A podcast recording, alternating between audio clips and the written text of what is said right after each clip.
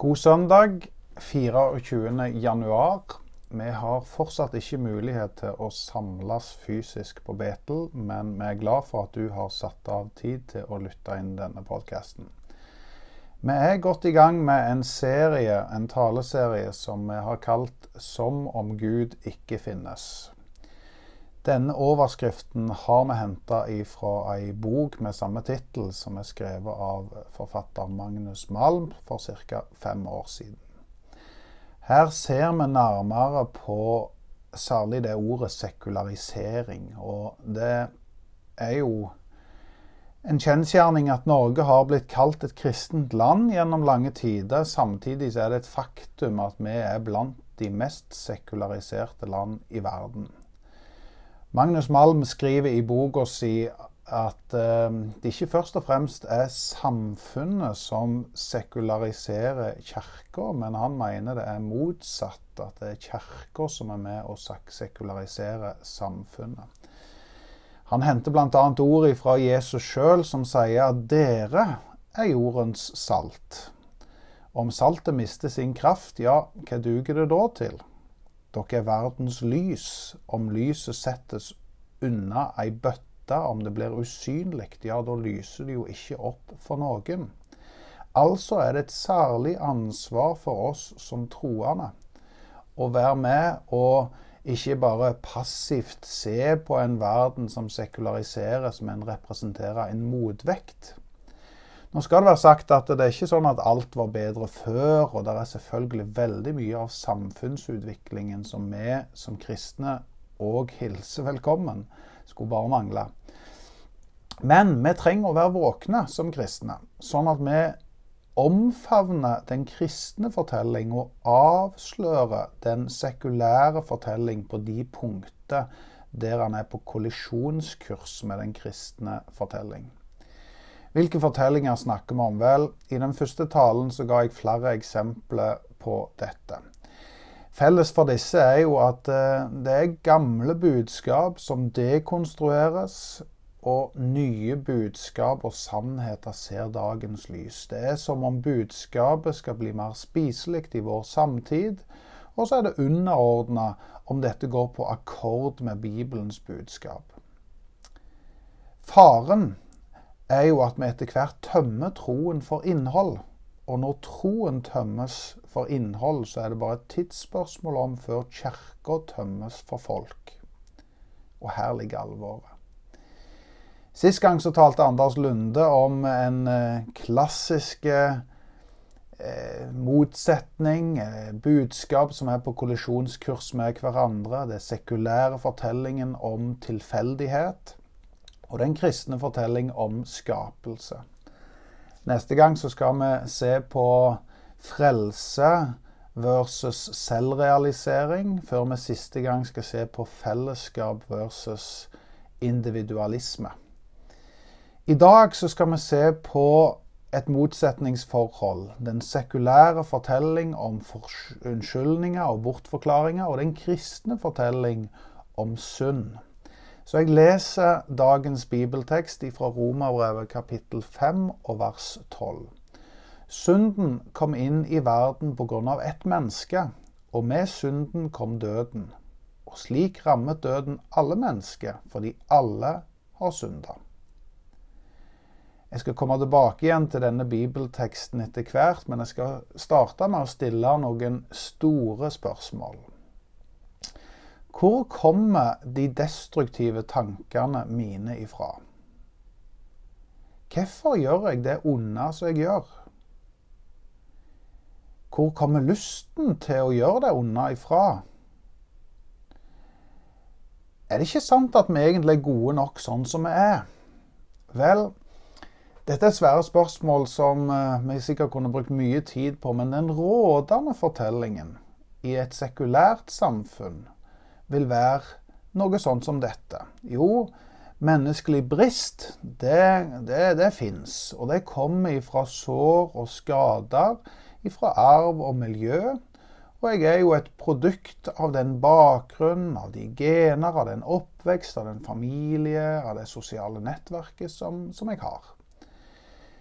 Eh, skal vi klare å kvitte oss med det onde i oss, ja Ikke bare det som er i oss, men òg det som er rundt oss, så trenger vi mer kunnskap. Vi, vi trenger mer struktur, vi trenger bedre sikkerhetsnett og bedre velferd og mer velstand, mer penger. Derfor så finnes det alltid i en sekulær fortelling en unnskyldning og en bortforklaring som ofte går utenfor meg sjøl. Det er liksom ikke jeg som er problemet, det er de og det rundt meg. Det er oppveksten, det er politikerne, eller det er manglende stemmer som ikke har fortalt meg hvor fantastisk jeg er. Samtidig så ser vi at vi får jo et bortforklaringsproblem om dette er vår virkelighetsforståelse. Fordi at veldig mye av dette har vi jo. Vi har fått mer kunnskap. Vi har mye bedre strukturer. Vi har bedre sikkerhetsnett, mer velstand, mer velferd. Det er veldig mye som har blitt bedre. Vi har fått mer av alt. Men vi har ikke blitt kvitt det onde. Så i møte med Bibelens fortelling så havner denne sekulære fortellingen i et tydelig krasj, fordi en hopper bukk over det som vi nettopp leste fra Romerbrevet 5.12, nemlig at synden kom inn i verden pga. ett menneske, og med synden kom døden, og sånn ramma døden alle mennesker fordi alle har synda. Synden kom ved ett menneske. La oss starte der. Jeg har delt inn resten av denne talen inn i tre punkter. I eden, synden og døden. Og vi skal starte med eden. Og Da går vi tilbake igjen til første Mosebok kapittel 2 og vers 8. Herren Gud plantet i gammel tid en hage i Eden. Der satte han mennesket han hadde formet. Og Herren Gud lot alle slags trær vokse opp av jorden, forlokkende å se på og gode å spise av. Og midt i hagen livets tre, og treet til kunnskap om godt og ondt. Her er vi tilbake igjen til eh, de første bladene i Bibelen, og vi ser her at paradis beskrives. Hagen, Eden. Sentrum av dette var livets tre, og det var en eventyrlig tilværelse. Leser vi mer nøye, så vil vi se at det var ingen smerte, ingen sorg, ingen nød, ingen død, ingen konflikt, ingen sykdom. Alt var godt, ikke bare halvgodt. Ifølge Guds ord så var det overmåte godt. I den sekulære fortellingen så er det jo ikke rom for en god gud, det er ikke rom for skapelse, sånn som vi så på sist gang. Eh, verden er nøytral. Det skapte, eller eh, skaperverket som vi kaller det, det er nøytralt og tilfeldig. Og naturlig nok så vil det heller da ikke finnes et fall som baner vei for det onde.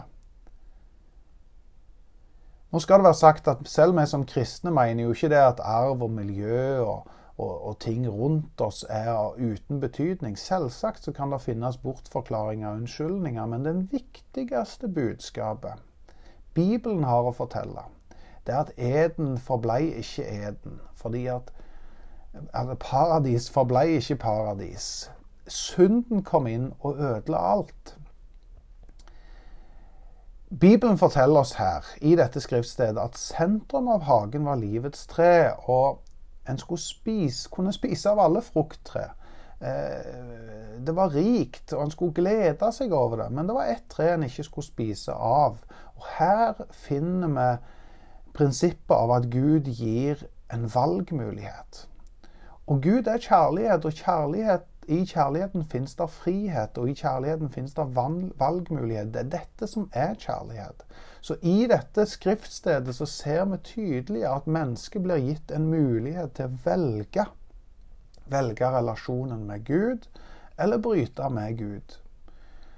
Og dessverre så velger mennesket det siste, og dermed så blir eden til synden. Og da møter vi i skapelseshistorien videre slangen som den listigste skapningen av de alle, og symbolet på djevelen. Og djevelen som òg har navnet Diablo, som betyr den som skiller. Tonen i skapelsesfortellingen, når slangen kommer inn og, og, og, og taler til mennesket, så, så er det første som sies Har Gud virkelig sagt? I dette så prøver en å bagatellisere synden. En prøver å si ja, men du kommer ikke til å dø. Det får ingen konsekvenser. Synd er ikke så farlig. Hvis det er noen konsekvenser, så er det positivt. Tenk det. Du kan bli som Gud. Og i dette så er det jo noe forlokkende som treffer oss på vårt svakeste punkt. Tenk det. Og vi kan til og med nyte godt av dette. Om det kan tjene til mitt beste. Og her har du roten av synden. Fordi at på dette punktet så går mennesket ifra å være teosentrisk, altså samla om Gud i eden, til å bli egosentriske. I en syndig og fallen verden så handler det om meg å sette seg sjøl i sentrum. Og dette er kjernen av synden. Ut ifra denne kjernen så får en, kall det syndens frukt. Det er ytre handlinger som Bibelen beskriver i ja, Det finnes ei lang liste som du selvfølgelig både kan lese deg til og tenke deg til. Det er hor, det er full, det er løgn, det er nasking, det er misbruking av Guds navn, det er baktalelse, det er selvhevdelse. og alle disse ytre handlingene her Jeg skal ikke redusere alvoret av de, for de er alvorlige, men de kommer ut ifra Altså, det er frukter av eh, en rot som handler om at vi er egosentriske, selvopptatte og setter oss sjøl i sentrum. Så vil jeg tilføye på dette punktet om synd at eh, Bibelen er klar på at Gud er kjærlighet, og at vi er skapt i kjærlighet og til kjærlighet. og Derfor er ikke synden bare de vonde tingene vi gjør, men det er òg det gode vi lar være å gjøre. Så hvis vi oppsummerer buds, Bibelens budskap om synd, så ser vi at dette kommer i tre dimensjoner. Det handler om det egosentriske, det at jeg setter meg sjøl i sentrum. Det er handlingene som jeg gjør som ikke er gode, som ikke behager Gud. Og det, er gode, og det er det, for det tredje det gode jeg lar være å gjøre. Da skjønner vi fort at Bibelen har rett. Synden har rammet alle mennesker. Jeg kan kjenne meg igjen i dette mens den sekulære fortellingen primært vil forklare dette med unnskyldninger og bortforklaringer. Blogger, forfatter, skribent Bjørn Sterk, som sjøl er ateist, men som ofte skriver med en fascinasjon av det kristne. Han har skrevet ei bok som heter 'Sette verden i brann', som har denne undertittelen 'En ateist skriver om Jesus' i denne boka så skriver han at han opplever synd som kirkens beste oppfinnelse, som han kaller det. Og det er som om han skriver at vi nesten bør være misunnelige på kirka. De er heldige, de som har synd. Det er ikke det verste de har å komme med, det er noe av det beste. Nå er ikke jeg nødvendigvis enig han med det. Jeg mener at nåde og evangelium er absolutt det beste evangeliet kirka har å komme med, men jeg forstår ideen hans. Og jeg tror det er en fare for at vi som kristne skroter denne type ord som synd. At vi slutter å adressere det og begynner å kalle det for gammeldagse ord. Fordi Da blir det som om Bjørn Sterk sier, det er som om vi mister språket for de mørke sidene ved et menneske. Fordi de, de fins jo der uansett. Bibelen er klar på at Gud er hellig og Gud er sann. Bibelen er klar på at mennesket har falt, og at synd er en realitet. I dette så er det ikke noe tvil om at det fins noe som er rett, og noe som er galt. Det er noe som er synd, og noe som er rettferdighet. Det sekulære mennesket vil nok òg mene at det er noe som er rett og galt. Og tenke at jo, vi trenger et slags moralsk pass som, eh, kompass som setter noen grenser.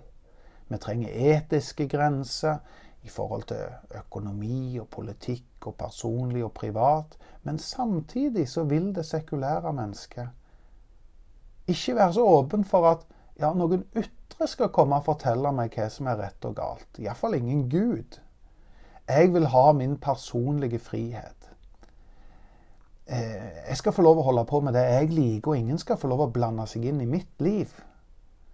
Og Derfor så lander jo det sekulære mennesket på en slags egendefinert rett og galt. Det som er rett for meg, er ikke nødvendigvis rett for deg. Det som er galt for meg, trenger ikke være galt for deg. Vi skal være rause og tolerante.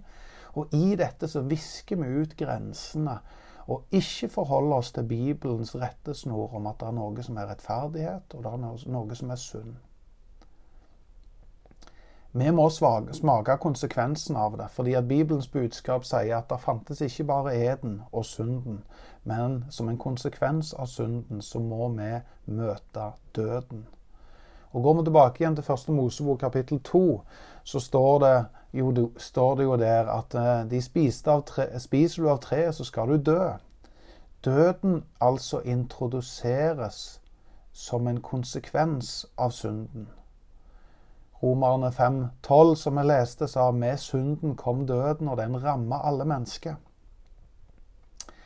I dette så handler det ikke bare om død som om det å kalle det bli borte.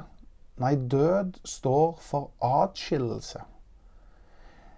Død er med å splitte det som var meint å holde i sammen. Kanskje et talende bilde kan være at et tre har greiner det går an å sage av ei grein, men det er jo ikke sånn at den greina umiddelbart iallfall blir borte. Greina fins, men allikevel så har den fått smake forbannelsen av å bli skilt fra sitt opphav. Det er en atskillelse som gjør at Kall det livskilden til denne greina er sagt av. Og greina kan ikke leve videre av seg sjøl, aleine, når en skilles fra sin livskilde. På samme måte er det med oss mennesker. Den største forbannelsen ved å synde, det er at vi skilles eller adskilles ifra Gud. Og sånn får synden konsekvenser på alle livets områder for oss. Den når oss fysisk. Bibelen sier at vi er forgjengelige, vi er tidsbegrensa. Det betyr at vi, vi, lever i denne verden med sykdom, med skade, med plage, med svakhet, med alderdom med fysiske og psykiske plager, med forurensing, naturkatastrofe, pandemi, hungersnød, død. Vi lever i en forgjengelig verden. Alvoret, sier Bibelen, er at det finnes en endelig konsekvens, og det er den evige døden. Det er den atskillelsen fra Gud som ikke bare er midlertidig, men som er for alltid. Så er det mange som da vil si om en kjærlig Gud da, da, kan det jo ikke finnes en fortapelse. For meg er det motsatt. Fordi Gud er kjærlighet, så må det finnes en fortapelse. Ellers så kunne du valgt bort Gud, og så tar han deg til seg uansett. Det er som om du tvinges med, og da mister du din frihet. Og det er jo ikke kjærlighet. Men budskapet er klart ifra Bibelen. Gud frelse og sende sin sønn som soning for oss, for at vi ikke skulle gå fortapt, for at vi ikke skulle være skilt ifra Gud. Jeg tenker at fortapelse ikke først og fremst er en straff for oss, det er det jo òg, men det er først og fremst en straff for Gud. Gud er kjærlighet, og han elsker oss overalt på jord. Kan du tenke deg noe mer smertefullt enn å se det du elsker, gå fortapt? Tenk deg du som foreldre som har barn, barn som vender ryggen, og som ikke vil ha noe med sitt opphav å gjøre. Det smerter oss hvis sånt skjer. Sånn er det for Gud òg. Men konklusjonen blir like fullt at den kristne fortellingen om synd, den trenger vi. Vi trenger å innse den. Vi trenger å gripe han, Vi trenger til og med omfavne han. Vi trenger diagnosen. Vi trenger å både innse synden, innrømme synden og bekjenne synden for at vi skal være i stand til å ta imot medisinen som er nåde og frelse fra Gud, som vi skal se på ved neste anledning. Hvis vi som, ikke, eh, vi som kirke og som kristne ikke forstår Bibelens budskap om synd, så vil vi heller aldri få plass til sentrale ord i vår kristendomsforståelse, som, eller, som f.eks. Bibelen sier 'omvend deg'. Ordet 'omvend deg' blir jo et meningsløst budskap, fordi at Hvis det ikke fins noe menneske må omvende seg ifra, hvis det ikke fins noe som er sunn, ja, da er det ikke heller plass til et budskap om omvendelse. Et, kall det sekularisert kristent budskap, det vil kanskje holde fram evangeliet og si at evangeliets oppgave utelukkende er å bekrefte mennesket og deres nåværende livsførsel. Og Det er her vi trenger å være våkne, sånn at det kristne budskapet som vi tror på, ikke blir sekularisert og utvanna til å si at ja, men bare fortsett å leve som du gjør. Fordi at effekten av dette er at mennesket blir bare mer egosentriske. Egoet styrkes istedenfor å utfordres. Og da blir evangeliet i beste fall en merverdi, og ikke noe som utfordrer meg til kursendring. Noen har formulert det sånn, og hør godt etter nå, for her er det både alvor og ironi. Vi har nå tenkt nøye gjennom verden og kommet fram til de korrekte synspunkt og vurderinger om alt.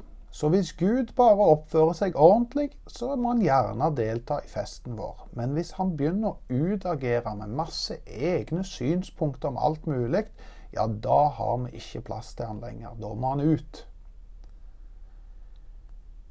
Samtidig som vi erkjenner synden, så anerkjenner vi Gud som hellige. Og vi blir bærere av sannhet som alltid skal gå over min mening, mine unnskyldninger og mine bortforklaringer. Som kristne, som kirke, så trenger vi å omfavne budskapet om synd. Og se at det er viktig at vi tar oppgjør med synd. Først og fremst i eget liv. For dette er ikke et budskap som handler om at vi hever oss høyere enn andre og blir moralens voktere. Nei, tvert imot så fører det til at vi går mer inn i selvransakelse, selverkjennelse, bekjenner vår synd og søker frelse. I Jesu navn. Amen.